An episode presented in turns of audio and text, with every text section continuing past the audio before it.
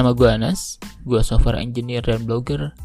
Kamu sedang mendengar Jurnanas Podcast, podcast mingguan yang ngobrolin tentang karir, buku, kreativitas, dan eksplorasi ide dari multidisiplin ilmu.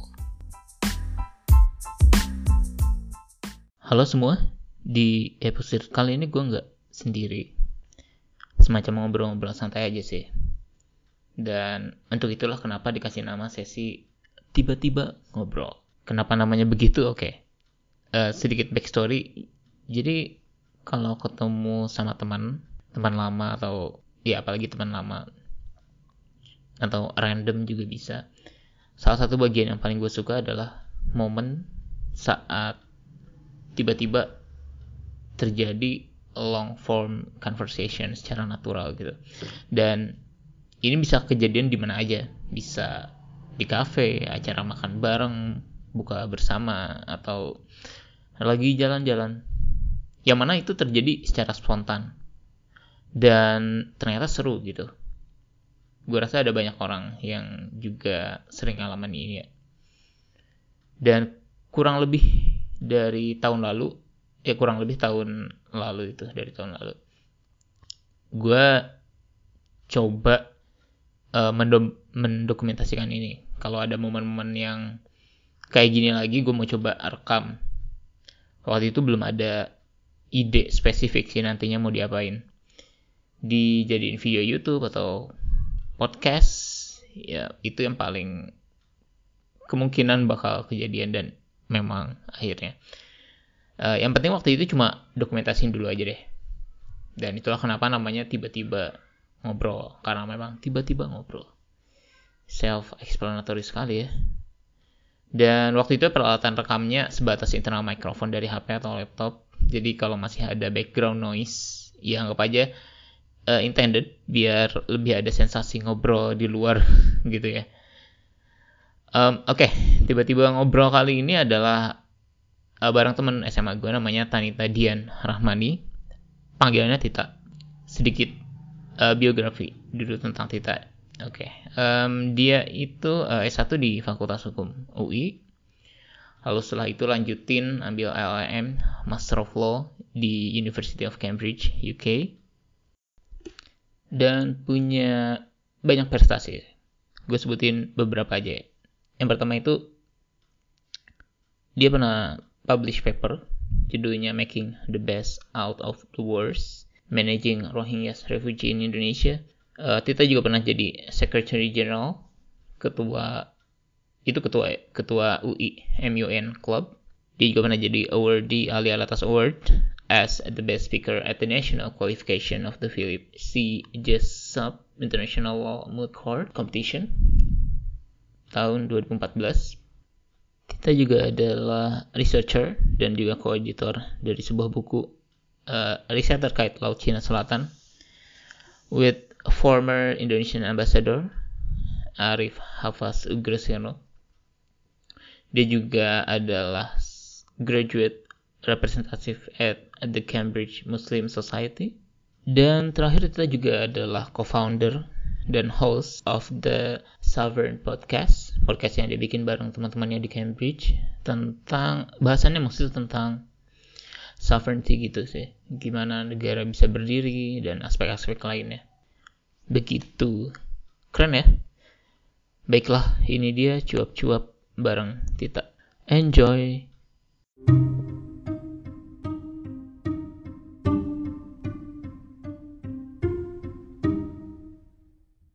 Tita, kita mulai dengan flashback dulu sejak SMA mungkin.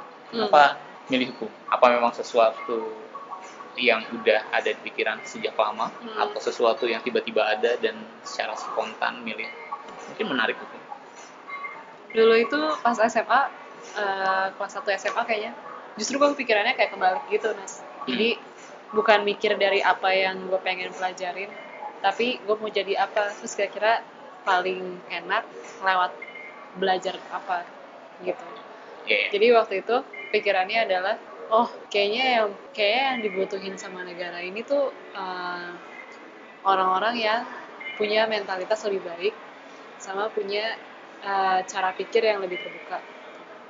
Nah, terus gue pikir gimana ya caranya uh, kerjaan apa ya bisa kayak hands on gitu di, di, di ngurusin hal-hal kayak gitu terus setelah berpikir cukup panjang kayaknya jadi akademisi atau jadi dosen tuh cara yang paling pas gitu.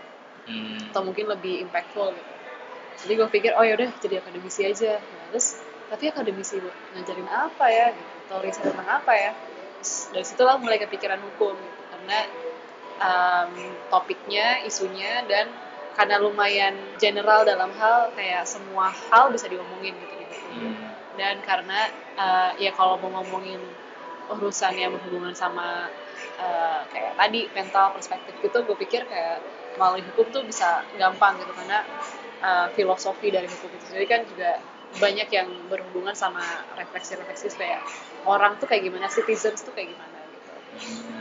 Gak cuma citizens sih kayak orang tuh harusnya gimana. Sebenarnya nggak waktu itu ini sih lumayan lumayan apa kayak agak masih sempit gitu pikiran dalam hal kayak gue mikirnya masih kayak oh orang tuh harusnya kayak gini loh gitu walaupun ya gue nggak bilang gue kayak gitu gue udah mencapai yeah, standar ada semacam juga, gambaran gitu. ideal tentang seorang yeah. tuh harus seperti ini yeah. uh-huh. dan uh, gue ingin mempelajari itu dan well bisa jadi salah satunya hmm. dan itu membuat lo cukup termotivasi untuk akhirnya milik itu yeah. nah waktu S1 waktu sarjana di hukum UI di Indonesia lalu di Cambridge uh, apa yang berbeda dari apa yang pelajari hmm. di dua uh, tempat ini ada ya hal yang signifikan sangat berbeda hmm. uh, kalau ditanya dari cara belajarnya itu cukup signifikan sih itu mungkin yang jadi highlight aku pertama-tama uh, karena di Cambridge itu lebih ke diskusi lebih ke exchange of ideas sama hmm opinions ketimbang uh, lecture. Tentunya juga nggak nggak bisa dibandingin betul gitu karena yang satu undergrad satu lagi graduate. Terus ya emang demand dari undergraduate sama graduate kan beda. Biasanya undergraduate tuh kita masih kayak dibimbing banget masih dituntun banget. Sementara kan graduate udah lumayan dibebasin gitu. Uh, itu juga konsekuensinya jadi ke kalau di undergrad ya kita masih mesti pelajarin semuanya. Kalau di grad beneran pilihan kita. Jadi kalau ya salah pilih ya salah pilih gitu. Harus harus deal with it aja gitu uh, tapi kalau kalau emang cocok ya bisa ngeeksploitasi sedalam-dalamnya gitu di ilmu itu sama dosen-dosen yang bersangkutan gitu. hmm. gampang banget untuk kayak diskusi sama dosen dan uh, berhubung karena semua orang yang di sana juga udah tahu maksudnya milih itu karena mereka suka itu gitu uh, milih subjek-subjek itu karena suka itu jadi ya diskusi antar uh, mahasiswa juga lebih enak sih tentang ini dulu deh bagaimana lu bisa akhirnya terdampar di Cambridge? Oh terdampar bahasanya. Kita mulai dari Cambridge ini kan salah satu universitas tertua dan juga paling kompetitif di Inggris selain yang terkenal lain itu kayak Oxford gitu. Dan saat lulus apa yang lu lakukan dan sampai akhirnya uh, bisa nyampe di Cambridge? Hmm. Jadi awalnya pas pas sudah lulus tuh emang emang jangka panjang gue atau enggak sih? Jangka menengahnya emang pengen S2 gitu kan. Hmm. um, tapi nggak pengen langsung. Jadi kerja dulu mungkin sekitar 2 tahun tapi on and off gitu karena pindah-pindah. Uh, awalnya sempet di law firm terus ke EU uh, terus ke law firm lagi ke law firm sekolah. Uh, terus baru ke Cambridge. Alasan kenapa bisa ke Cambridge-nya uh, Hmm. Nah, ceritain lebih itu ya up, uh, drama dan apa yang lo alami. Apakah Cambridge memang dari dulu hmm. uh, pilihan pertama lo atau? Hmm. Ini ini gue ngomong kayak gini dengan tidak mengurangi sedikit pun apa ya kayak ke bersyukuran gue terhadap oh, iya, Cambridge. Iya, it's tapi, okay. Tapi yeah. emang kayak nggak kepikiran awalnya uh. mau ke Cambridge. Uh, as in kayak awalnya harapan gue juga nggak bakal nggak nggak segitunya gitu. Tadinya pengennya ke US dan rata-rata sekolah yang gue daftar dari US semua gitu. Uh, gue udah nge-envision myself gitu untuk jadi student di US alasannya kenapa ya? Um, karena gue selalu mikirnya ya um, ya S2 tuh kalau mau yang kayak banyak networknya banyak scholarshipnya scholarship maksudnya kayak riset-risetnya mendingan di US gitu uh, apalagi gaya struktur belajarnya juga beda banget sama um, Indonesia gitu. Tapi ya udah uh, akhirnya gue daftar ke Cambridge juga uh, waktu itu. Uh, awalnya gue punya harapan kayak udah gue bakal dibiayain sama LPDP gitu kan. Uh, tapi waktu itu tahun 2016 daftar LPDP uh, gagal. Um, tahun depannya uh, dengan harapan akan kebuka LPDP-nya dan akan dapat LOE yang artinya gue berharapnya kayak oh kesempatannya lebih lebih besar nih gitu. Udah dapat LOE uh, ternyata nggak bisa karena LPDP-nya uh, berubah kebijakan. Uh, jadi cuma buka setahun dan cuma bisa keberangkatan tahun depannya lagi. Nggak lama kemudian setelah berita LPDP keluar uh, yang sekolah-sekolah US mulai mulai keluar nih uh, hasilnya. Dan aku dapat uh, di NYU waktu itu uh, tapi kan nggak ada biayanya jadi gue kayak kayak put it on hold hmm. sambil nunggu uh, pengumuman yang lain. Uh, udah lumayan lama nggak ada pengumuman apa apa ya udahlah ini kayak emang cuman cuman NYU doang gitu kan. Ya udah udah mulai kayak ngedraft surat-surat deferral gitu dengan dengan masih pikirannya oh ya udah nih bakalan ke US tapi tahun depan. Dengan ya semoga gitu kalau dapat LPDP bulan Juni itu atau Juli itu nah tapi nggak disangka-sangka ya uh, bulan April late April gitu uh, tiba-tiba ya udah dapat dapat info dari Cambridge kalau ini dapat offer. Uh, tapi ya karena nggak ada biaya waktu itu jadi ya gue lumayan kayak ya udah ini gimana ya? Dapat sekolah yang bagus banget tapi nggak ada biayanya ya mesti defer juga gitu. Tapi ternyata pas kita cari-cari informasi deferralnya mereka kayak nggak ada gitu kan jadi gue kayak telepon orang sana uh, tanya ada kemungkinan deferral nggak nih? Gitu. Kata mereka oh sorry banget kita nggak bisa defer mahasiswa apa pun kita strict banget policy tentang tentang deferralnya cuman kalau lu punya kayak penyakit ekstrim gitu ya udah. Akhirnya dengan itu gue kayak ah ya udah gimana caranya? Dalam waktu berapa minggu tuh sudah ada, ada harus sudah ada kepastian gitu. Uh, akhirnya nggak dalam waktu berapa hari ke depan tuh gue kayak email emailin berbagai macam um, scholarship provider yang ke Inggris atau enggak ke Cambridge gitu. Nggak semuanya gue tahu saat itu juga kayak gue banyak tanya-tanya ke orang-orang juga. Um, gue udah gue emailin beberapa tempat dan satu beberapa bales bilang kalau oh mereka udah nggak punya kerjasama lagi lah sama Cambridge. Satu lagi nggak pernah bales kayak um, terus satu kembali lagi terus bilang kayak oh ya sorry kita udah gitu. Uh, kandidat yang udah di, di shortlistnya udah udah udah ada juga dan interview tahap terakhir di London tuh minggu depan gitu. Uh, tapi ya udahlah kirim aja CV CV kamu sama transkrip atau apa gitu. Uh, pas gua kirim besoknya mereka langsung telepon. Pas langsung telepon terus bilang kayak udah kita interview ya hari ini. Terus pas interview itu itu itu interview tahap pertama jadi sama orang-orang di Hong Kong gitu. Orang-orangnya kayak satu semuanya orang Jardin ini dari Jardin namanya. Dua-duanya ada orang Jardin. Uh, terus nggak lama setelah interview mereka bilang ya udah kamu minggu depan ke London ya. Akhirnya ternyata diundang ke interview tahap terakhir ya gitu kan. Nah terus ya banyak lah permasalahannya sebelum ke London juga atau bisa atau ke London waktu itu juga belum tahu gitu. Karena waktu itu lima empat hari kerja karena ada libur nasional di tengah-tengah. Dan keadaannya paspor gue juga expire. Paspornya expire. Terus Aduh, uh, tapi entah gimana kayak mungkin emang udah kan hati takdirinnya ke situ gitu. Jadi entah gimana pas sore itu juga langsung ke kantor imigrasi malam-malam paspornya jadi. Uh, terus minggu depannya ngurusin visa jadi sih jadi cuman nggak bisa dikirim ke Indonesia. Waktu diurusnya di sama kantor Manila gitu. Uh, terus orang jadinya pengertian banget terus mereka bilang ya udahlah kita video call aja. Pas sudah video call ya udah dapet. Ya sampai situ lancar. Okay. tapi tapi ini mungkin tadi gue udah cerita juga ke Anas um, kalau ya setelah itu sampai mungkin sebulan sebelum berangkat tuh masih kayak belum pasti ini kayak berangkat atau enggak karena banyak admin-admin yang dipermasalahkan sama Cambridge-nya gitu. Yang yang ya apa yang awalnya clear tapi tiba-tiba di dijadiin masalah gitu.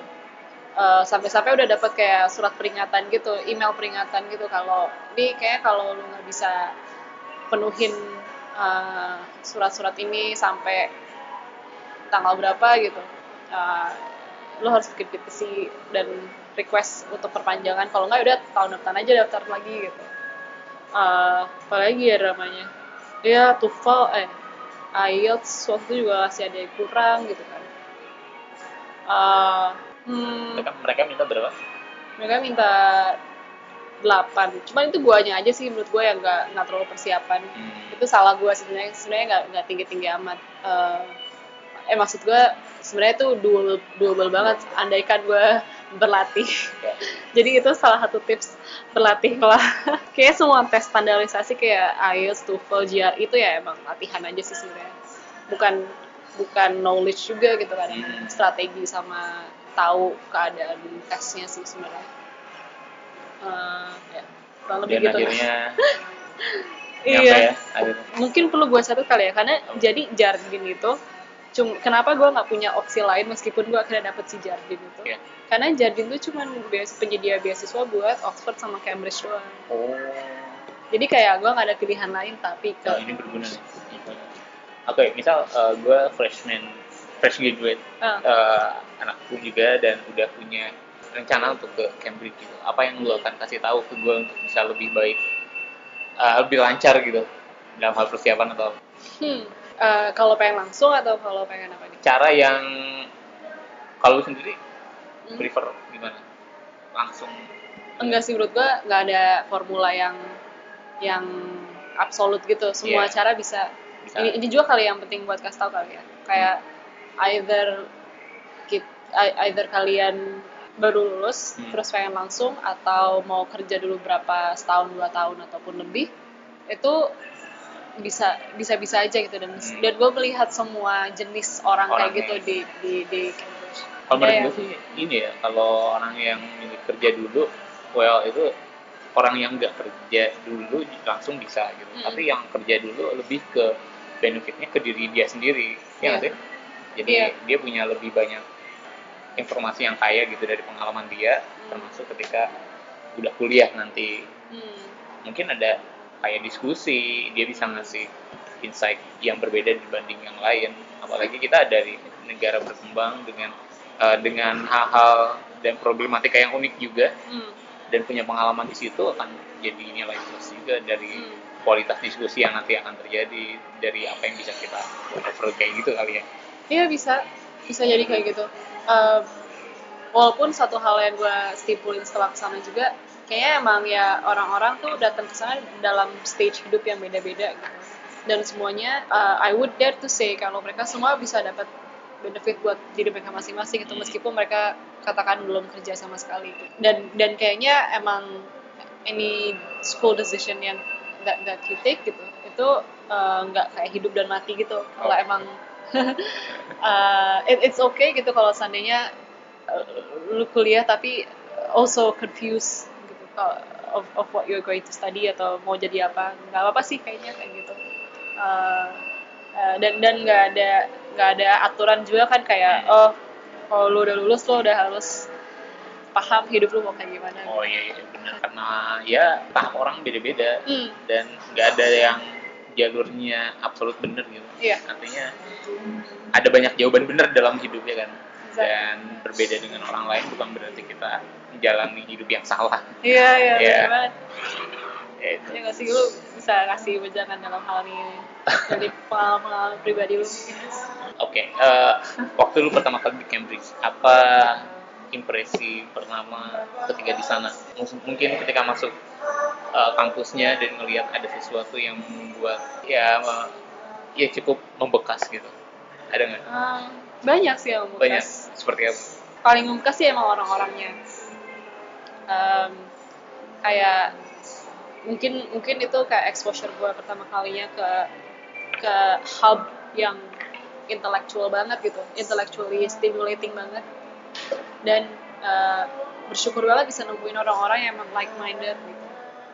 Eh, dari dari berbagai aspek gitu, gak cuma intelektual tapi juga em, personal atau social gitu. Um, terus eh, jadi kayaknya Cambridge as a city itself gitu itu kondusif banget buat growth lu sebagai seorang eh, yang yang suka belajar Hmm. atau, atau atau suka sekolah gitu. um, lagi ya iya orang-orangnya komunitas-komunitas yang gue ketemuin di sana diverse banget gitu orang-orang diverse banget hmm, cukup diverse walaupun mungkin kalau kita kayak lihat undergradnya mungkin masih lebih banyak white atau enggak lebih banyak middle class. Jadi diversity di sini nggak cuman diskusi diversity di Cambridge tuh nggak cuman kayak ras ataupun etnis tapi juga kelas um, mungkin yang kurang diverse adalah bahwa Cambridge tuh masih lumayan middle upper class Hmm. university gitu. Dan itu juga yang masih di, di banyak diperdebatkan di Inggris karena ya jatuhnya sebenarnya orang-orang yang berkualifikasi atau kompeten tuh bisa banyak gitu. Tapi masalahnya mereka juga nggak dari keluarga yang punya jadinya nggak bisa akses ke Cambridge atau ke univ-univ yang gede lainnya tuh nggak terlalu gampang. Saya ceritain sedikit sama belajar di sana. Nah eh, apa sih? Ya belajar di Cambridge itu kayak gimana sih?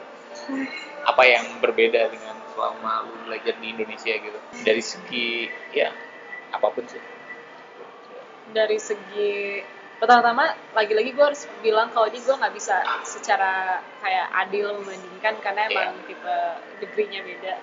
Tapi ya emang kalau di sana kita lebih banyak dikasih independen Eh, terus lebih banyak diskusi-diskusi kelompok lebih banyak em, apa ya kegiatan di luar kampus yang mesti kita manfaatin gitu.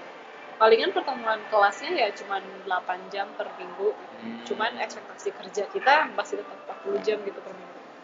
Jadi banyak seminar-seminarnya banyak uh, lecture-lecture di luar di luar kelasnya Um, dan tugas-tugasnya juga kayak mendorong kita buat um, mau nggak mau aktif proaktif nyari-nyari orang buat ajak diskusi sih. Kalau nggak isolating banget gitu um, apalagi itu sih mungkin As, yang paling gue bisa highlight ada nggak hal-hal yang sebelum lu kuliah di Cambridge gitu lu berpikir tentang hal ini Hmm. udah punya pola pikir seperti ini dan ternyata setelah lu belajar lebih dalam lu punya pendapat yang lu berubah pikiran gitu Hmm.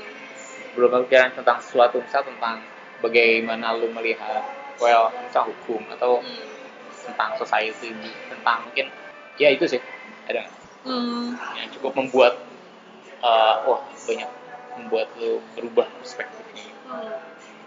Em, ini mungkin kesannya kayak jahat gitu ya. Cuman nggak salah satu yang salah satu yang berubah adalah perspektif gue tentang kayak kebijakan-kebijakan militer dari negara-negara yang kita selalu anggap tuh military power gitu.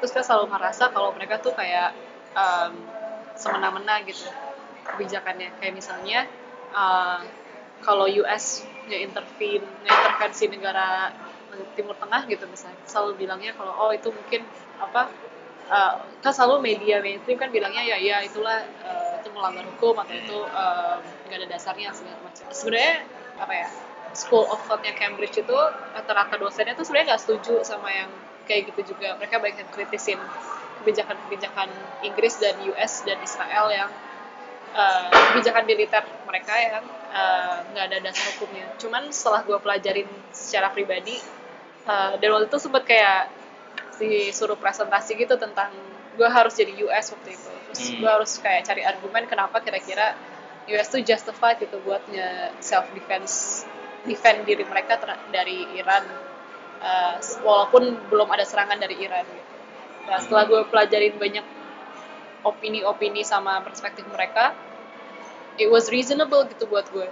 Dan gue lumayan ke teryakini dan Oh. teryakinkan. Terus gue pikirnya, ya ini ini sebenarnya valid-valid aja sih. Terus gue jadi mikir gitu, apa yang salah ya kalau gitu? Apa kenapa bisa kenapa bisa ini ya yang jadi hukumnya gitu? Kenapa bisa yang interpretasi yang kayak gini yang dia dipakai?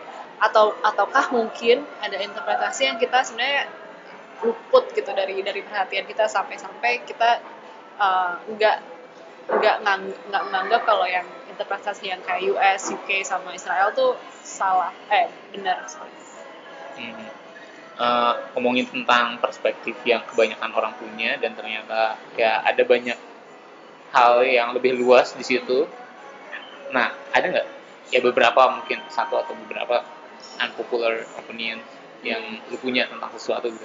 Yang kalau kebanyakan orang tuh punya perspektifnya sama ini gitu. Sementara lu berbeda. Kayak gue belum belum ada satu hal yang kayak di ujung di apa di atas kepala gue gitu. Cuman Hmm. mungkin kalau gue harus refleksi mungkin ada kali. Mungkin yang tadi salah satunya. Tapi walaupun Oh, iya. itu juga nggak nggak yang nggak yang strong opinion juga sih. Yang lebih general dan kalau receh juga nggak apa-apa sih. Misal ini kita bicara tentang ini ya. Eh, menurut gue ya berapa unpopular opinion yang gue punya itu misal misalnya gini. Time management.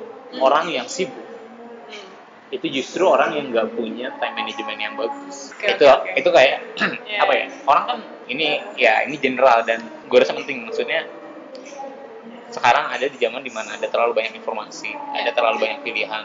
Dari dari mulai yang penting ada nih hal-hal penting yang bisa kita lakukan gitu dan itu ada banyak pilihan Hmm. dan sampai hal-hal yang nggak penting Hmm. tentang sosial media aplikasi yang mau kita pakai seharian itu orang sekarang bisa terlihat sibuk seharian tanpa sebenarnya melakukan apa-apa gitu Hmm. dan pilihan untuk jadi sibuk termasuk bekerja itu eh, itu pilihan dia sih artinya kalau dia terlihat sibuk itu artinya ya dia nggak punya prioritas Iya. Ya nggak sih itu itu poin yang bagus banget iya berarti nggak punya prioritas Hmm, iya. sesuatu yang cukup sangat bernilai di atas sampai nggak mau mengorbankan hal lain Hmm. karena ya, memang harus ada hidup kan pilihan artinya ada sesuatu Hmm. yang lu perjuangkan nah, itu artinya hal-hal selain itu nggak nggak penting nggak nggak nggak perlu lu prioritasin Hmm. nggak perlu lu lakukan kayak gitu itu Hmm. unpopular opinion opinion mungkin ya berbeda kalau kalau kebanyakan orang melihat ya orang yang produktif adalah orang yang sibuk selalu selalu ada Hmm. tanpa harus istirahat Hmm. tanpa harus punya waktu tidur yang yang ideal Hmm. gitu. Itu kan penting. Dan gue rasa untuk jadi sibuk dan mengobat mengorbankan tidur itu sesuatu yang enggak layak untuk diperjuangkan. Kayak gitu. Itu menurut gue lo ada punya hal lain? Ini harus berhubungan sama hukum enggak atau enggak. terserah apa aja. Memang perlu renungan sih. Iya. Tapi Nas, gue mau tanya deh. Eh, menurut lu waktu tidur yang ideal tuh berapa lama? yang menurut Atau menurut dia beda-beda? terbaik menurut gua jam biologis orang beda-beda sih well dokter masih saran untuk 8 jam sehari kan dan Hmm. itu secara umum memang nasihat yang bagus gitu. Hmm. dan itu kan secara umum buat semua orang gitu Iya. tapi ada orang-orang misal kayak gue tidur 6 jam Hmm. lebih dari itu biasanya pusing justru Hmm. aneh gue pernah tidur itu bener-bener males banget berapa tuh 10 jam itu malah pusing aduh itu seharian gak berfungsi tuh Iya, malah jadi makin males gitu iya? Iya. dan ya kayak zombie Iya, iya. ada tapi nggak melakukan hal jadi menjalani hari hanya untuk menunggu hari itu selesai itu paling sedih tuh. Iya, iya. Ya, gue paham. aduh ya gitulah Oke, oke. Nah oke ah kebita- kebiasaan lu sendiri di Cambridge gimana ceritain misal lu bangun jam berapa lalu apa yang lo lakukan tipikal dia tipikal day-nya Hmm. Hmm, gimana ya? salah satu hari Ini- yang hari-hari yang idealnya menurut lu lah Oke. Gue harus akui dulu nih, ini gue cukup banyak bereksperimen. oke Satu karena emang gue pengen punya gaya hidup yang lebih disiplin. Hmm. Di sisi lain, tantangannya lebih banyak karena perbedaan iklimnya juga berubah waktunya lumayan drastis gitu kan. Kayak pas winter itu palingan daylightnya cuma 7-8 jam. Hmm. Baru pagi, baru ada matahari jam 7, jam 8, udah gelap jam 4, jam 5 gitu. Eh, ya itu berapa jam? Ya itulah. Jadi eh, biasanya sih bangun eh, sebelum subuh. Tapi kalau pas winter berarti jauh sebelum subuh. Karena subuhnya siang banget. Ya kayak jam 6 jam setengah 7 Ah. gitu. Terus ya kalau nggak stretching-stretching dikit ya coba refleksi-refleksi diri atau sholat gitu. Terus sampai subuh, sholat subuh. Nah ini ada dua opsi nih. Gue dan ini emang nggak selalu yang nggak selalu baik sih. Opsi pertama tidur lagi.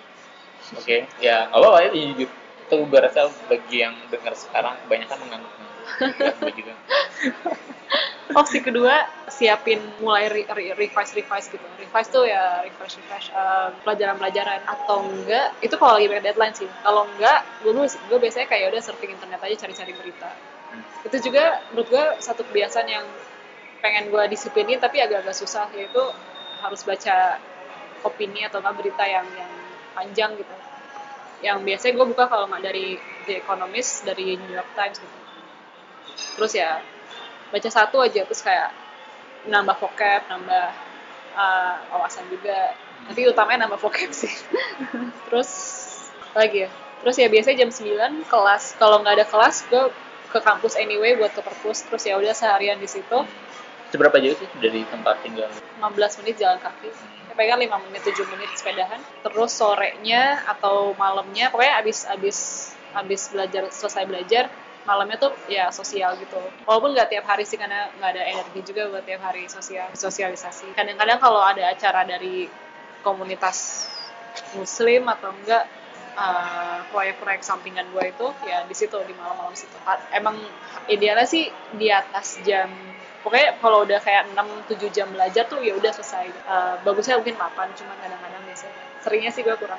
Iya jadi nggak terlalu forsir. Walaupun ya kadang-kadang kalau udah terlalu banyak yang list yang mesti dilakukan ya jadinya lebih sih. Terus jadinya seharian mungkin belajar. Mungkin paling kelihatan pattern yang jelas tuh pas lebar pas bulan puasa kali ya. Pokoknya karena di sana udah summer jadinya ya udah sebelum tidurnya tuh jadinya berubah banget. Jadi habis subuh sampai jam 9 subuhnya itu jam 3 oh, iya jauh banget. Iya terus ya udah dari jam 9 sampai malam sampai maghrib maghribnya jam setengah 10 itu belajar. Uh, lama banget kan tuh. Uh, tapi banyak tapi banyak breaknya. Uh, dan breaknya nggak tahun-tahun gue ambilnya kayak sejam jam setengah gitu. Uh, nanti kalau udah mendekati buka mungkin jam 9 gitu udah pulang terus kayak masak. Biasanya langsung ke rumah teman atau enggak ke tempat komunitas supaya masak bareng atau enggak buka bareng. Tiap hari itu kayak gitu. Oke habis itu taraweh habis itu ya bangun belajar lagi sampai jam 3 udah tidur cukup cukup menggambarkan banyak hal misal gini oke okay. sebagai pelajar muslim di sana hmm. uh, apa yang apa yang lu alami bagaimana kehidupan pelajar muslim di, di sana khususnya di Cambridge gitu apakah hmm. mereka support dengan ya ibadah ibadah yang sehari lima kali gitu dan hmm. mungkin kadang ya mengharuskan lu keluar dari satu acara tertentu hmm. atau bagaimana uh, ya nggak ada sih yang eksplisit bilang kalau urusan karena mau sholat ya yeah. silakan bilang gitu nggak nggak ada kayak gitu cuman mereka emang setiap kali setiap sejam belajar kan misalnya kelasnya dua jam nih terus abis sudah sejam tuh pasti ada break gitu breaknya 10 menit nah dari break itulah biasanya gue kayak izin cabut sholat gitu. sholatnya antara di kampus sendiri ada kayak ruang communal room gitu yang biasanya kosong atau itu buat ke, semua agama ya biasanya. buat semua itu kayak sebenarnya bukan ruang yeah. ibadah sih kayak ruang hangout aja gitu ruang buat oh, yang iya. anak-anak LLM atau enggak di musolanya karena kebetulan deket banget sama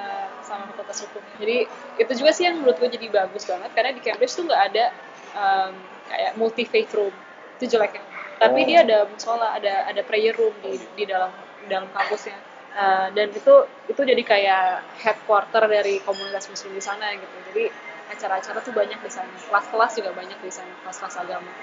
Uh, jadi ya palingan ke, ke situ terus balik lagi kelas. Tapi ada sih teman-teman yang misalnya laki-laki um, gitu terutama yang kalau misalnya ada kelas hari Jumat itu sih agak berat.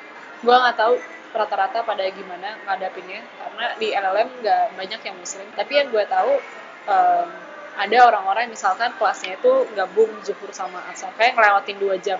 Terutama kalau di winter kan deket-deketan tuh jam zuhur sama asarnya. Terus karena lamanya sampai maghrib gitu jadi mereka sholatnya di kelas gitu. Jadi hmm. um, sambil dosennya ngomong ya udah dia di belakang sholat. Uh, sambil ada kayak sambil duduk sih tapi jadi nggak kelihatan kayak sholat. Walaupun gue yak, gue yakin banget kalau kayak izin keluar bentar mereka juga nggak bakal masalah. Bahkan nggak perlu izin juga langsung aja keluar. Jadi uh, all in all menurut gue hangat sih. Dan nggak nggak terlalu ada masalah ya. Dan nggak ada memang nggak ada masalah kan? Hmm. selama lu belajar di sana dan hidup di sana gitu. Iya. Yeah well nggak ada terhadap gue nggak ada sih. Walaupun mungkin kalau jadi sebenarnya debat uh, kayak saya keterbukaan mereka toleransi mereka banyak debatnya juga sebenarnya. Nggak nggak se smooth yang gue ceritain ini tapi mungkin tuh bukan Cambridge per se tapi kayak Inggris secara umum gitu adalah kebijakan mereka yang lumayan condescending gitu ke imigran dan Islam secara umum, secara khususnya. Oke. Gue kalau ngomongin kampus, misal kalau ke luar negeri itu beberapa hal yang harus gue kunjungi itu kayak perpustakaan, Hmm. perpustakaan, terus ya kalau ke kampus orang juga gue lihat perpustakaannya dulu Iya. gimana. Nah kalau di Cambridge per- perpustakaannya kayak gimana? Kayak lu bakal seneng banget sih kalau Soalnya kan kita satu ada fakultas-fakultasnya nih, ada Hmm. univnya, ada juga college-college kan. Nah, di setiap college juga ada perpustakaan dan gayanya, arsitekturnya, Oh. itu tuh beda-beda sih perpustakaan. Ah, dan itu juga dijual sebagai apa ya nilai yang Cambridge Nilai- banget gitu. Nah, jadi kayak misalnya di college gue uh, perpustakaan tuh kayak neoklasikal gitu. Apa? Ya gitu deh bagus. Uh, arsiteknya bagus banget bukunya lengkap. Dan kita bisa gampang nge-request dan palingan dua minggu tiga minggu kemudian ada gitu. Kalau univ dari perpustakaan univnya yang paling gede kan namanya gede.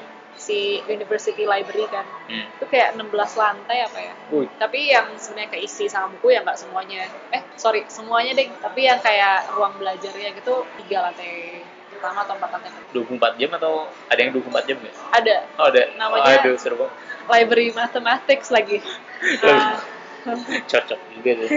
Bisa dibayangkan ada orang-orang siapa aja di sana. iya dan dan college college juga lama sebenarnya Eh, Ah. ada yang 24 jam tapi rata-rata sampai jam 2 pagi atau jam 3 pagi jadi jadi enak sih di sana Ah. banyak perpustakaannya banyak jenis-jenisnya dan semuanya lumayan accessible gitu jadi kalau mau ada suasana belajar baru ya udah ke, ke college lain atau enggak ke fakultas lain faculty of law juga lumayan terkenal gitu perpustakaannya soalnya gede terus dia sampai jam 10 malam itu paling termasuk yang paling malam di antara semua Dan lengkap juga ya dari mulai yang klasik Iya. banget sampai yang sampai yang modern sampai ya lumayan. menarik.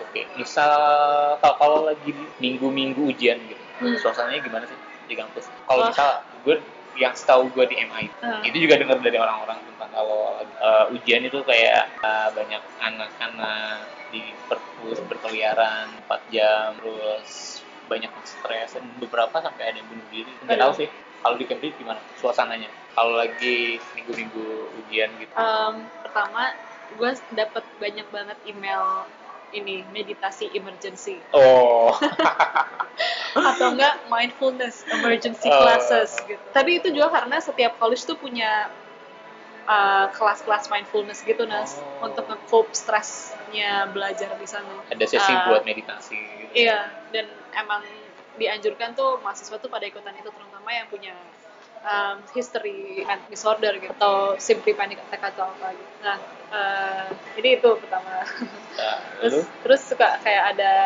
ya selain itu yang mirip-mirip itu kayak suka ada selebaran-selebaran kayak uh, kalau butuh apa-apa talk to us talk to us gitu. mereka kayak nightline gitu kayak buka hotline terus apa lagi ya oh terus ya yang kayak di sekolah-sekolah lain mirip-mirip juga sih kayak di MIT juga kayak ya udah orang-orang yang camping gitu di perpustakaan sampai perpustakaan tuh kadang-kadang udah jadi kayak ghetto gitu karena saking ramenya orang terus orang-orang juga semua bukunya nggak dipindah-pindahin terus semua kayak bantal, selimut gitu kan. Ah, dan iya sih dan ininya ambience-nya kayak beda banget gitu. Kalau sehari-hari ya intens tapi orang-orang masih kayak senyum. Tapi kalau udah ujian tuh orang-orang udah kayak oke kita ngomongin hal-hal yang lebih ringan deh.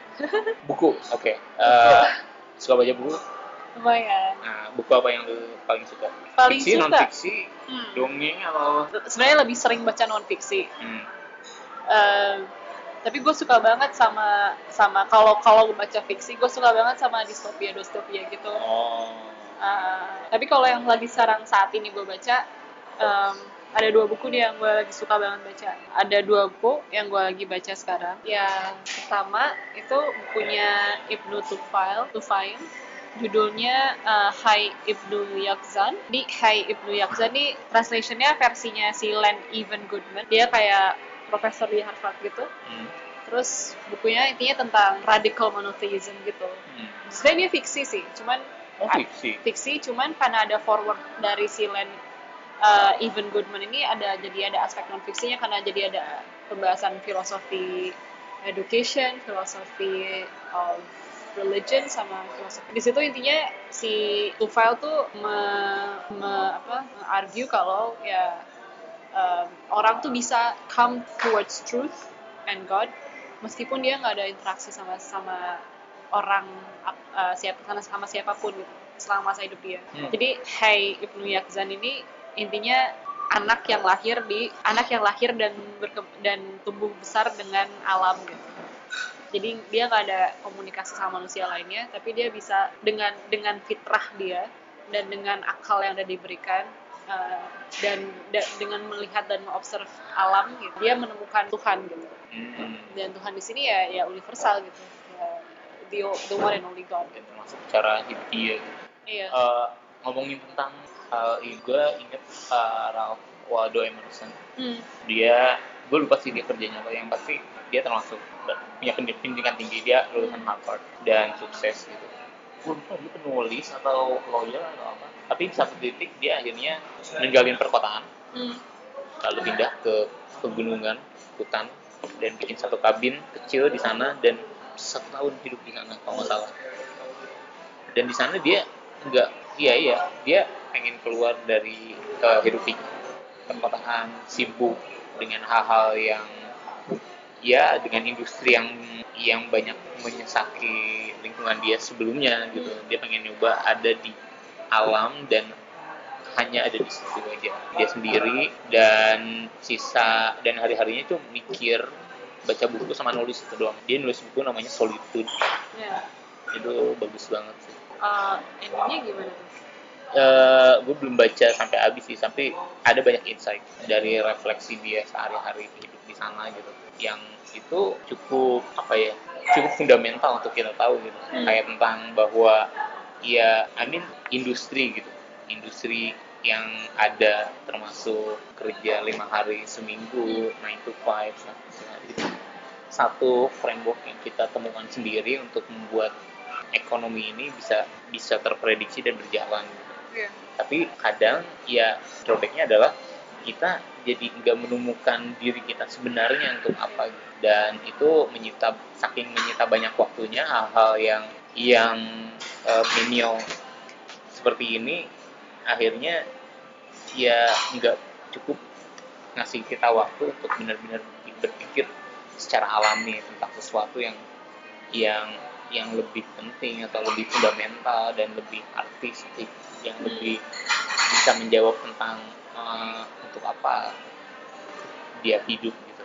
Seperti itu sih. Dan itu membuat uh, ya banyak banyak perspektif yang kalau kalau orang-orang perkotaan itu anggap sebagai ya masalah besar gitu. Sesuatu sesuatu yang sangat apa ya yang harus dikerjakan saat itu juga dan menyita banyak waktu. Dan sebenarnya kalau dipikir-pikir ternyata itu nggak terlalu penting kok kayak gitu sih.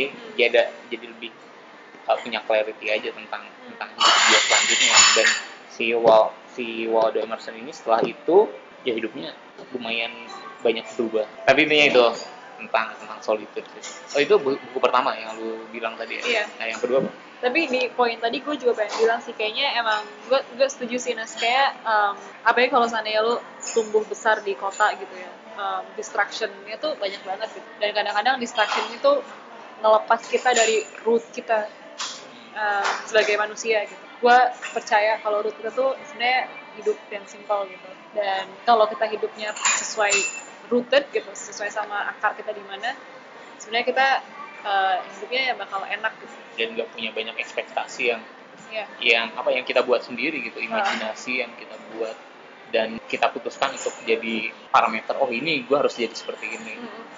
Karena sebenarnya industri entertainment sendiri ada karena ya memang memang itu menarik gitu, pertama dan itu menarik dan apa ya membuat kita itu jadi terdistraksi kan hmm.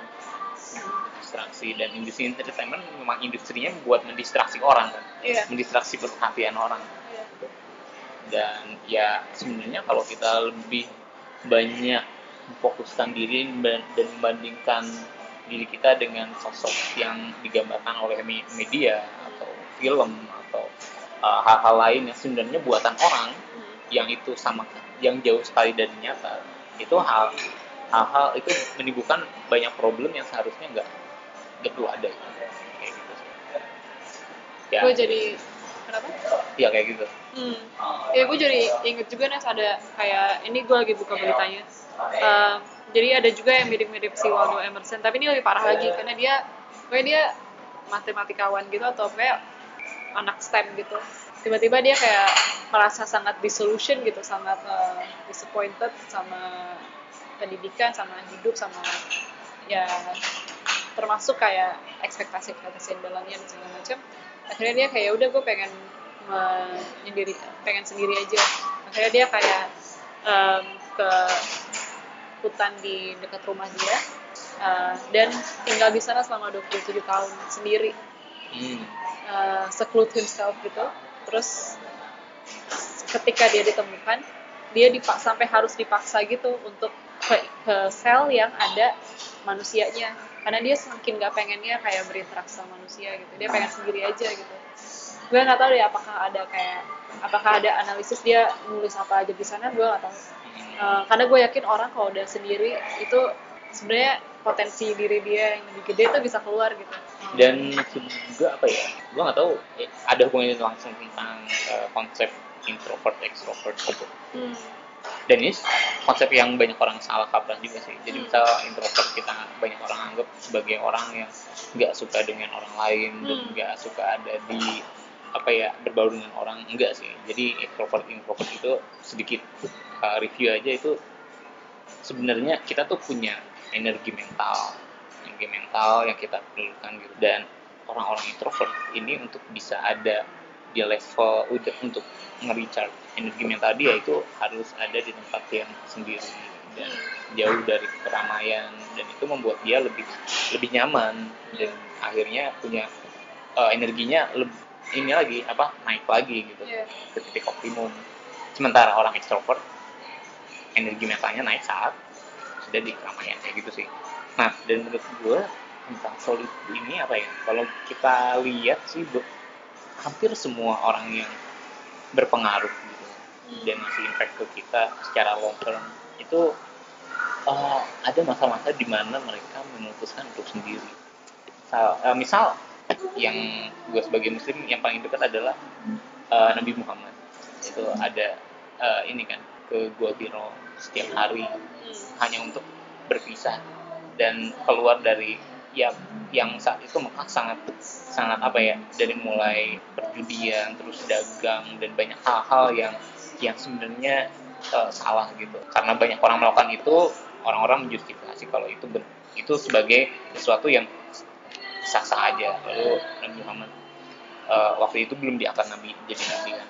Itu dengan dengan keinginan dia. Dan dengan diri dan berpikir. Yeah. gitu. dan banyak juga. iya. Yeah. dan misal hal-hal yang yang lebih kita tahu lagi sosoknya misal Bill Gates. Bill Gates itu punya uh, kebiasaan setiap tahun itu empat minggu dia menyendiri punya kabin private dan udah nggak ada handphone nggak ada elektronik. Keluar dari hal-hal uh, yang yang uniknya dia kan ada di industri teknologi. Dia punya waktu sendiri dan dan di di plan buat keluar dari itu semua dan hanya uh, baca buku kerjaan. Kayak gitu ada waktu-waktu kita butuh. Dan gue rasa satu hal yang penting sih kita butuh waktu-waktu untuk keluar dari hal-hal yang sebenarnya kita nggak sadari itu adalah distraksi dan untuk menyadari itu sendiri itu salah satu tahap yang penting makanya banyak orang yang dari kecil gitu yang dari yang umurnya yang lahir itu misal tahun 2000-an dan dia udah langsung mengenal internet yeah. dan handphone sejak dia balita itu kita bisa bayangin bahwa kalau pikir dia adalah gini loh kalau mau jadi orang yang bisa diakui dengan orang lain itu harus jadi uh, selebgram atau sesuatu seseorang yang yang kelihatan kelihatan kelihatan sempurna di sosial media bisa kayak gitu. Itu kan hal atau cara berpikirnya yang nggak sehat sih. Dan itu sangat destruktif juga buat diri anak itu secara long lebih jauh daripada itu banyak juga orang-orang yang justru mikirnya tuh nggak cumannya susah untuk sendiri atau susah untuk sadar kalau men- menyendiri itu kadang penting tapi juga ada stigma gitu dengan kesendirian kayak oh dia nggak ada temennya ya oh Hmm. atau dia nggak ada yang suka sama dia. Atau kebalikannya dia oh dia nggak suka sama manusia nggak suka sama orang orang gitu. Atau dia ngerasa dia sombong. Pokoknya stigmanya tuh selalu buruk gitu. Seakan-akan kalau kita sendiri tuh kita gagal gitu. Sendirinya itu sendiri eh, unik juga sih. Misal kita bisa bareng sama misal teman kita yang sefrekuensi gitu. Hmm. Tapi dan usah- menyendiri bersama itu iya iya. udah termasuk nge-recharge energi kita gitu. Jadi ya itu sih. Jadi nemuin seseorang atau orang-orang yang sefrekuensi sama kita itu termasuk hal yang bisa jadi opsi eh, penting. Dan ya gue rasa itu sih. Iya. Kita kita perlu waktu untuk untuk kalau gue sendiri sih mungkin cenderung introvert. Jadi gue memang punya waktu untuk uh, seenggaknya se- sesibuk apa pun itu hari itu misal Hmm. uh, gue ada acara atau ada pesta yang gue kalau di kalau kalau ada pesta gue biasanya datang paling telat dan keluar paling yang pertama uh, sesibuk apa pun hari itu gue akan pulang lebih awal seenggaknya satu jam sebelum tidur Hmm. dan nggak melakukan apa-apa Iya, iya. Iya, gue setuju banget. Gue orang yang butuh transisi antara semua aktivitas sama tidur. Iya, gue butuh semacam waktu di mana mengkoleksi semua hal yang terjadi di hari itu dan ya udah biarkan apa yang gue pikirin otak ini melakukan kerjanya Iya. dan gue bisa istirahat dengan cara gue sendiri kayak gitu kayak gitu sih dan gue rasa mungkin banyak orang juga yang membutuhkan ini tapi nggak Nah, sadar dan iya. nggak berpikir bahwa itu perlu gitu Hmm. tanpa mencobanya gitu Hmm. itu itu ya soalnya kita kan ada di, zaman sangat konsumtif gitu Iya. Konsumerisme ini ada di titik yang sangat sangat apa ya I mean hampir di semua hal itu dari mulai ya brand-brand fashion yang yang hype beast kayak gitu itu ada loh. Maksudnya itu itu itu jadi satu tren sendiri gitu. Iya. jadi sebenarnya kita sebagai makhluk ekonomis nggak akan pernah puas nggak akan pernah puas. Dan untuk eh, berusaha memakai waktu yang kita punya hanya untuk ngasih makan ego kita sebagai makhluk ekonomis itu itu nggak akan nggak akan pernah cukup. Jadi mungkin salah satu solusinya ada untuk menyadari bahwa kita nggak perlu semua itu. Iya. dan kita bisa pilih hal-hal yang penting buat diri kita dan secara strategis memilih eh, apa yang memang kita perlu. Nggak perlu membandingkan dengan apa yang orang lain punya. Kayak gitu sih. Hal-hal kayak gitu keputusan kayak keputusan kayak gitu biasanya bisa ada ketika ya ada di momen-momen saat berpikir saat sendiri saat membaca atau saat saat solitude itu sendiri walaupun nggak banyak tapi gue rasa penting kayak gitu sih Dan dan menurut lo ini penting untuk ya dua tipe orang tadi kan introvert maupun Iya, extrovert. oke. Tentang buku tadi, apa ya? Gue sebenarnya eh, lebih suka non fiksi sih. Lebih suka, Hmm. lebih sering non fiksi. Soalnya gue gue lihat sebenarnya dunia yang kita tinggali ini juga menarik. Gitu. Iya. Artinya ada banyak hal-hal yang yang drama-drama, ad- termasuk dalam bidang misal yang bidang ekonomi tentang bagaimana industri kita berkembang, bagaimana itu terjadi, kenapa satu hal bisa uh, membuat satu hal lain bisa terjadi dan akhirnya semua membawa kita ada di titik ini. Itu salah satu yang selalu membuat gue kayak pengen tahu unik.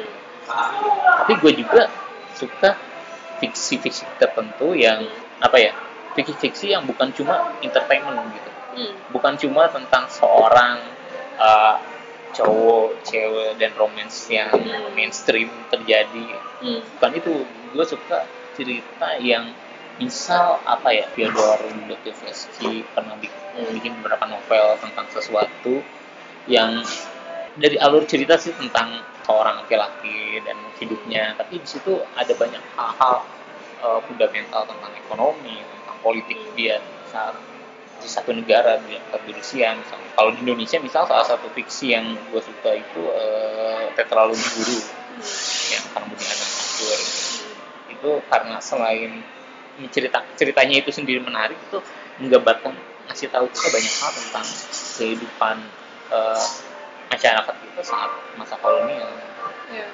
tentang bagaimana is- apa kultur-kultur ini bisa tumbuh dan membentuk Indonesia saat ini itu Hmm. itu sih jadi gue suka fiksi-fiksi yang yang eh, ngasih kita sesuatu lebih dari sekedar eh, tokoh konflik dan resolution tapi ada banyak hal-hal yang yang gue bisa dapat dari situ. Kayak gitu. nah oke pertanyaan selanjutnya. Oh lu mau Nah, nambahkan sesuatu? Apa? Tadi gue lupa ngomong satu buku lagi. oh yes belum. Baru satu. Gue sebenarnya tempted buat nanggepin tadi, cuman nggak tahu deh kepanjangan atau oh, enggak. apa apa Selain novel-novel apa sejarah gitu, Nes, ada juga novel-novel fiksi yang menurut gue um, banyak filosofinya gitu. Uh, dan kadang-kadang emang emang nggak bisa emang kalau kayak chick lit gitu mungkin beda beda banget ya atau yang adult uh, series tuh emang rata-rata mungkin lebih simplistik dan lebih ke drama dan action. Cuman gue nemuin kayak beberapa buku sci-fi yang lumayan heavy heavy heavily philosophical. Kayak misalnya serinya si uh, Ender's Game. Oh iya. Oh gue gue baca Iya. Dan, ya kayak gitu gue juga suka Iya, entah gimana gue ter, ter ini banget apa ya tergerak banget sama sama buku pertamanya. Karena karena banyak pembahasan kayak antara filosofi civilization atau enggak gimana sih dinamika antara superior sama subordinat hmm. kan nggak sih itu bahasanya ya. Iya, iya. gue pernah baca. Iya, gue juga suka buku kayak gitu. Jadi intinya bukan semacam uh, buku yang yang ngasih gue sesuatu hal lain. Mm-mm. Ender's Game misal selain itu juga ngasih gambar gue tentang science Iya. juga dan itu Iya. seru gitu. Dan orang yang suka sci-fi books kayak gitu, dia bisa aja ya, jadi tahu lebih banyak tentang sains tanpa dia menyadarinya dan itu bagus. Apalagi buat anak-anak kayak gitu. Buku Eh, satu lagi, apa? satu lagi buku yang gue rekomendasiin juga buat lu Nas. Eh, judulnya eh, The Origins of Totalitarianism. Hmm. Totalitarianism eh, yang tulis Hannah Arendt. Hannah Arendt sendiri tuh migran ke Yeah. US. Awalnya dia kayak salah satu survivornya apa Nazi gitu. Tapi sebenarnya tulisan dia justru mengkritisi state of Israel, the Jewish state sebagai state yang totalitarian, totalitarian, totalitarian. Intinya di bukunya ya banyak membahas tentang sejarah uh, Jewish as a nation, national identity. Terus kenapa mereka bisa dapetin sokongan dukungan sebanyak itu, terus kenapa mereka bisa menjadi jadi negara dan apa yang unik dari konsep Jewish state sendiri. Gitu. Uh, karena dia pun Jewish, gue uh, jadi suka baca perspektif-perspektif yang, Hmm. yang kayak gitu. Mungkin itu juga alasan kenapa uh, di podcast yang gue bikin itu si Norman Finkelstein yang gue interview karena dia juga Jewish tapi dia lumayan kritik pengkritik besar ter- terbesar terhadap Israel. sosok yang unik juga. Iya. Um, salah satu tokoh lainnya yang mungkin masih lumayan aktif di akademisi dan di pemerintahan di US juga namanya uh, John Marsheimer. Dia dari University of Chicago. Uh, iya, terus dia banyak nulis tentang kayak lobby orang-orang Israel dan um, company-company Israel di kongres sama pemerintah US gitu. Menurut gue bagus banget sih tulisannya. Hmm. Uh, insightful banget. boleh nanti catat Iya. oke Ya, aja. Eh, terus sekarang udah lulus pulang. Apa? Pulang. Beberapa minggu. Kayak dua minggu. Setelah ini akan melakukan apa? Boleh long term eh, short term juga dalam waktu dekat mau ngapain Intinya mimpi gue masih belum berubah, gue masih tetap pengen jadi akademisi. Dan researcher. Uh, sejauh ini kayak pintunya belum terbuka uh, di alma mater sendiri maupun di tempat lain. Jadi uh, gue akan ambil S3 uh, tahun depan, insya Allah. Jadi tahun ini daftarnya tahun depan berangkat kalau keterima. Jadi ya sekarang mungkin lagi nyiap-nyiapin aplikasi, belajar buat GRE, uh, yang lumayan makan waktu uh, sambil nyari-nyari uh, tempat-tempat di mana gue bisa mengaktualisasikan diri sih. Who knows mungkin nanti kalau seandainya gue dapat tempat kerja gitu atau tempat apa dalam tahun ini mungkin terus di tengah jalan gue berubah pikiran nggak jadi moderator that's also possible dan gue membuka diri dan hati. Um, karena again walaupun gue punya tujuan gue juga sebenarnya nggak tahu sebenarnya gue harusnya di mana gitu. Jadi gue sekarang motonya adalah daftar aja semuanya. Nanti yang dapat apa ya udah itu yang terbaik buat gue gitu. Jadi lu membuka bikin hal-hal yang nanti lu punya banyak pilihan. Bukan Iya. pilihan-pilihan Iya. ya, ya itu ya, mungkin sedikit perspektif yang unik juga tentang uh, karir dan bagi pasca pasca kuliah gitu dan soalnya ini jadi hal yang apa ya banyak anak-anak yang berkuliah dan merasa tersesat karena dia nggak merasa melakukan apa-apa mencapai apa-apa lalu Hmm. nggak tahu mau ke mana gitu Hmm. dan uh, buat mereka yang mungkin sekarang lagi denger uh, it's okay itu normal dan dan itu bukan sesuatu yang buat uh, diri lu uh, kurang dari dari orang lain atau da- dari seharusnya diri seperti apa gitu. ini cuma bagian aja itu Iya. satu bagian dalam hidup lu di mana ya problemnya saat itu adalah ini gitu Hmm. selanjutnya adalah lu harus melakukan apa apa yang harus lakukan itu sih yang penting artinya lu melakukan sesuatu walaupun nanti ketika lu melakukan itu dan akhirnya uh, berubah pikiran uh, akhirnya memilih jalan lain Hmm. lalu akhirnya berkecimpung di dunia yang sama sekali gak nyambung dengan jurusan yang lu uh, Hmm. ya lu pelajari sebelumnya itu gak apa-apa sebenarnya ada banyak pilihan dalam hidup dan itu Iya. dan itu ya ada banyak pilihan baik dalam hidup itu nggak cuma satu dan membandingkan uh, diri lu dengan dengan orang yang kelihatan lebih mungkin lebih prestasi lebih ma- udah udah lebih apa ya mature dari finansial dari segi apa pun gitu dan membuat lu iri dan itu membuat lu jadi memandang rendah diri lu sendiri itu itu hal yang nggak perlu dan perlu disadari bahwa orang itu belum tentu sesempurna yang uh, hidupnya sebahagia yang lu pikirkan. Soalnya uh, itu sih gue bilang ini karena uh, kita kan umur umur kayak gini tuh umur ini ya ada istilahnya tuh quarter life crisis Iya. ya di mana ada titik di mana lu udah uh, melakukan sesuatu gitu tapi nggak tahu mau ke mana untuk apa lalu membandingkan dengan orang lain dan menganggap diri lu cangkang cangkang jas jus apa cangkang dan intinya itu lah dan Ah, oke. membuat orang-orang ini depresi. Hmm. ya saran gue sih nggak itu nggak soalnya soalnya ya kalau lu mau iri misalnya kalau lu mau iri gitu sama orang atau seorang lu nggak bisa cherry pick hal yang bagus aja dari dia gitu. Lu pengen setampan dia secantik dia dan sekaya dia Hmm. terus se seprestatif orang ini sama ini atau enggak. Tapi lu juga harus ngambil semua yang ada dalam diri dia. Mungkin dia punya punya masalah dalam keluarganya dan lu lu mau nggak punya itu? Mungkin ya termasuk perspektif dia termasuk cara berpikir dia. Apa lu mau punya cara berpikir juga yang sama dengan orang itu gitu. Yang mungkin lu anggap itu aneh dan ya lu nggak bisa ambil cari yang bagus-bagus aja. Kalau mau iri ya udah iri semuanya gitu. Dan kalau lu pikir dengan cara itu gue sendiri gitu justru malah jadi uh, bersyukur gitu. Gue nggak mau jadi orang lain. Gue udah cukup uh, bahagia dengan diri gue sendiri. Dan gue tinggal melakukan apa yang gue perlu untuk ya improve diri gue selanjutnya gitu sih. Mungkin karena culture culture kita udah lumayan tadi ya udah satu industri banget industri oriented banget terus kedua uh, aksesibilitas informasi dan uh, market itu gampang banget gitu sehingga kita dibombardir juga sama semua yang kayak satu instan dua kayak satu tipe gitu Hmm. satu jenis doang yang namanya sukses gitu. Eh, Iya, dan jadinya em, gampang kepengaruh gitu sama hal-hal yang kayak oh eh, pokoknya kalau kalau kita kompeten harusnya kita bisa dapetin ini dalam dua tahun gitu. Maksudnya umur segini udah habis MBA gitu. Padahal sebenarnya eh, sebenarnya bahkan yang penting itu dari dari hidup kita semua tuh prosesnya gitu. Iya. Uh, dan proses orang tuh beda-beda sesuai sama kebutuhan dia gitu. Ada yang prosesnya mungkin lebih ketempa di misalkan uh, personal development dia dalam hal social interaction dia gitu. Hmm. Uh, makanya dia harus misalkan bertahun-tahun di tempat yang dia mungkin nggak terlalu suka, tapi justru itu yang nge- mengembangkan sisi dia yang Yang yang, bu- yang paling dia dibutuhkan gitu. Intinya sih nggak ada yang wasted sih apa pun yang yang kita lakukan. Selama Iya. ya emang kita ya kita tahu gitu kita nggak slacking off, kita nggak males-malesan. Asal ya bener pakai waktu itu ya pakai waktunya sebaik-baiknya gitu. Iya.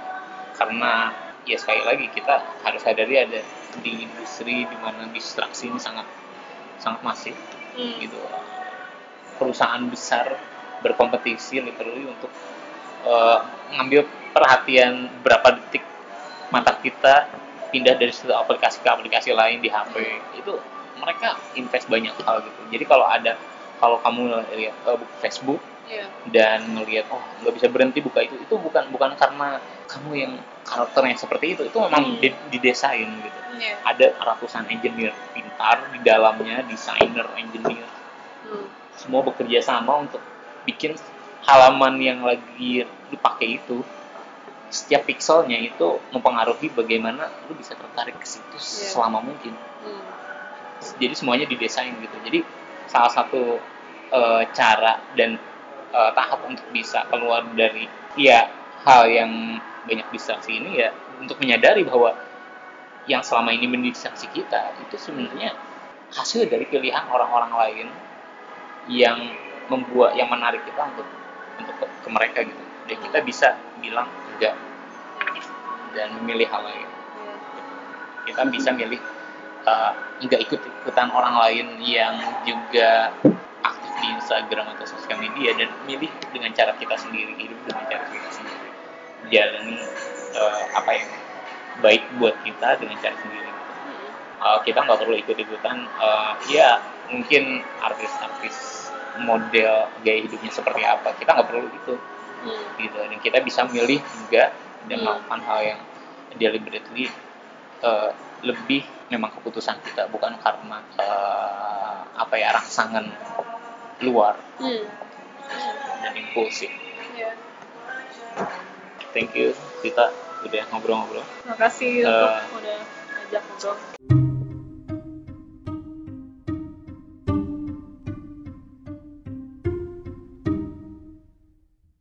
Oh ya, sebelum outro nih, ada sedikit klarifikasi. Yang sebelumnya gue mention tadi, itu tentang Wado Emerson, Ralph Waldo Emerson, itu bukan dia, tapi Henry David Thoreau. Eh, bukan Ralph Waldo Emerson. Gak tau kenapa dulu suka ketuker aja sih dua orang ini. Dan dia bukan presiden, tapi tulisan-tulisan politiknya banyak mempengaruhi uh, public figures kayak Mahatma Gandhi, John F. Kennedy, Martin Luther King Jr., Leo Tolstoy, Ernest Hemingway juga. Begitu. Oke, thank you. Sampai jumpa di podcast selanjutnya. Terima kasih sudah mendengar podcast ini. Jangan lupa share dan subscribe di YouTube, iTunes, Spotify, atau apa pun aplikasi podcast yang kamu pakai. Oke, sampai jumpa minggu depan.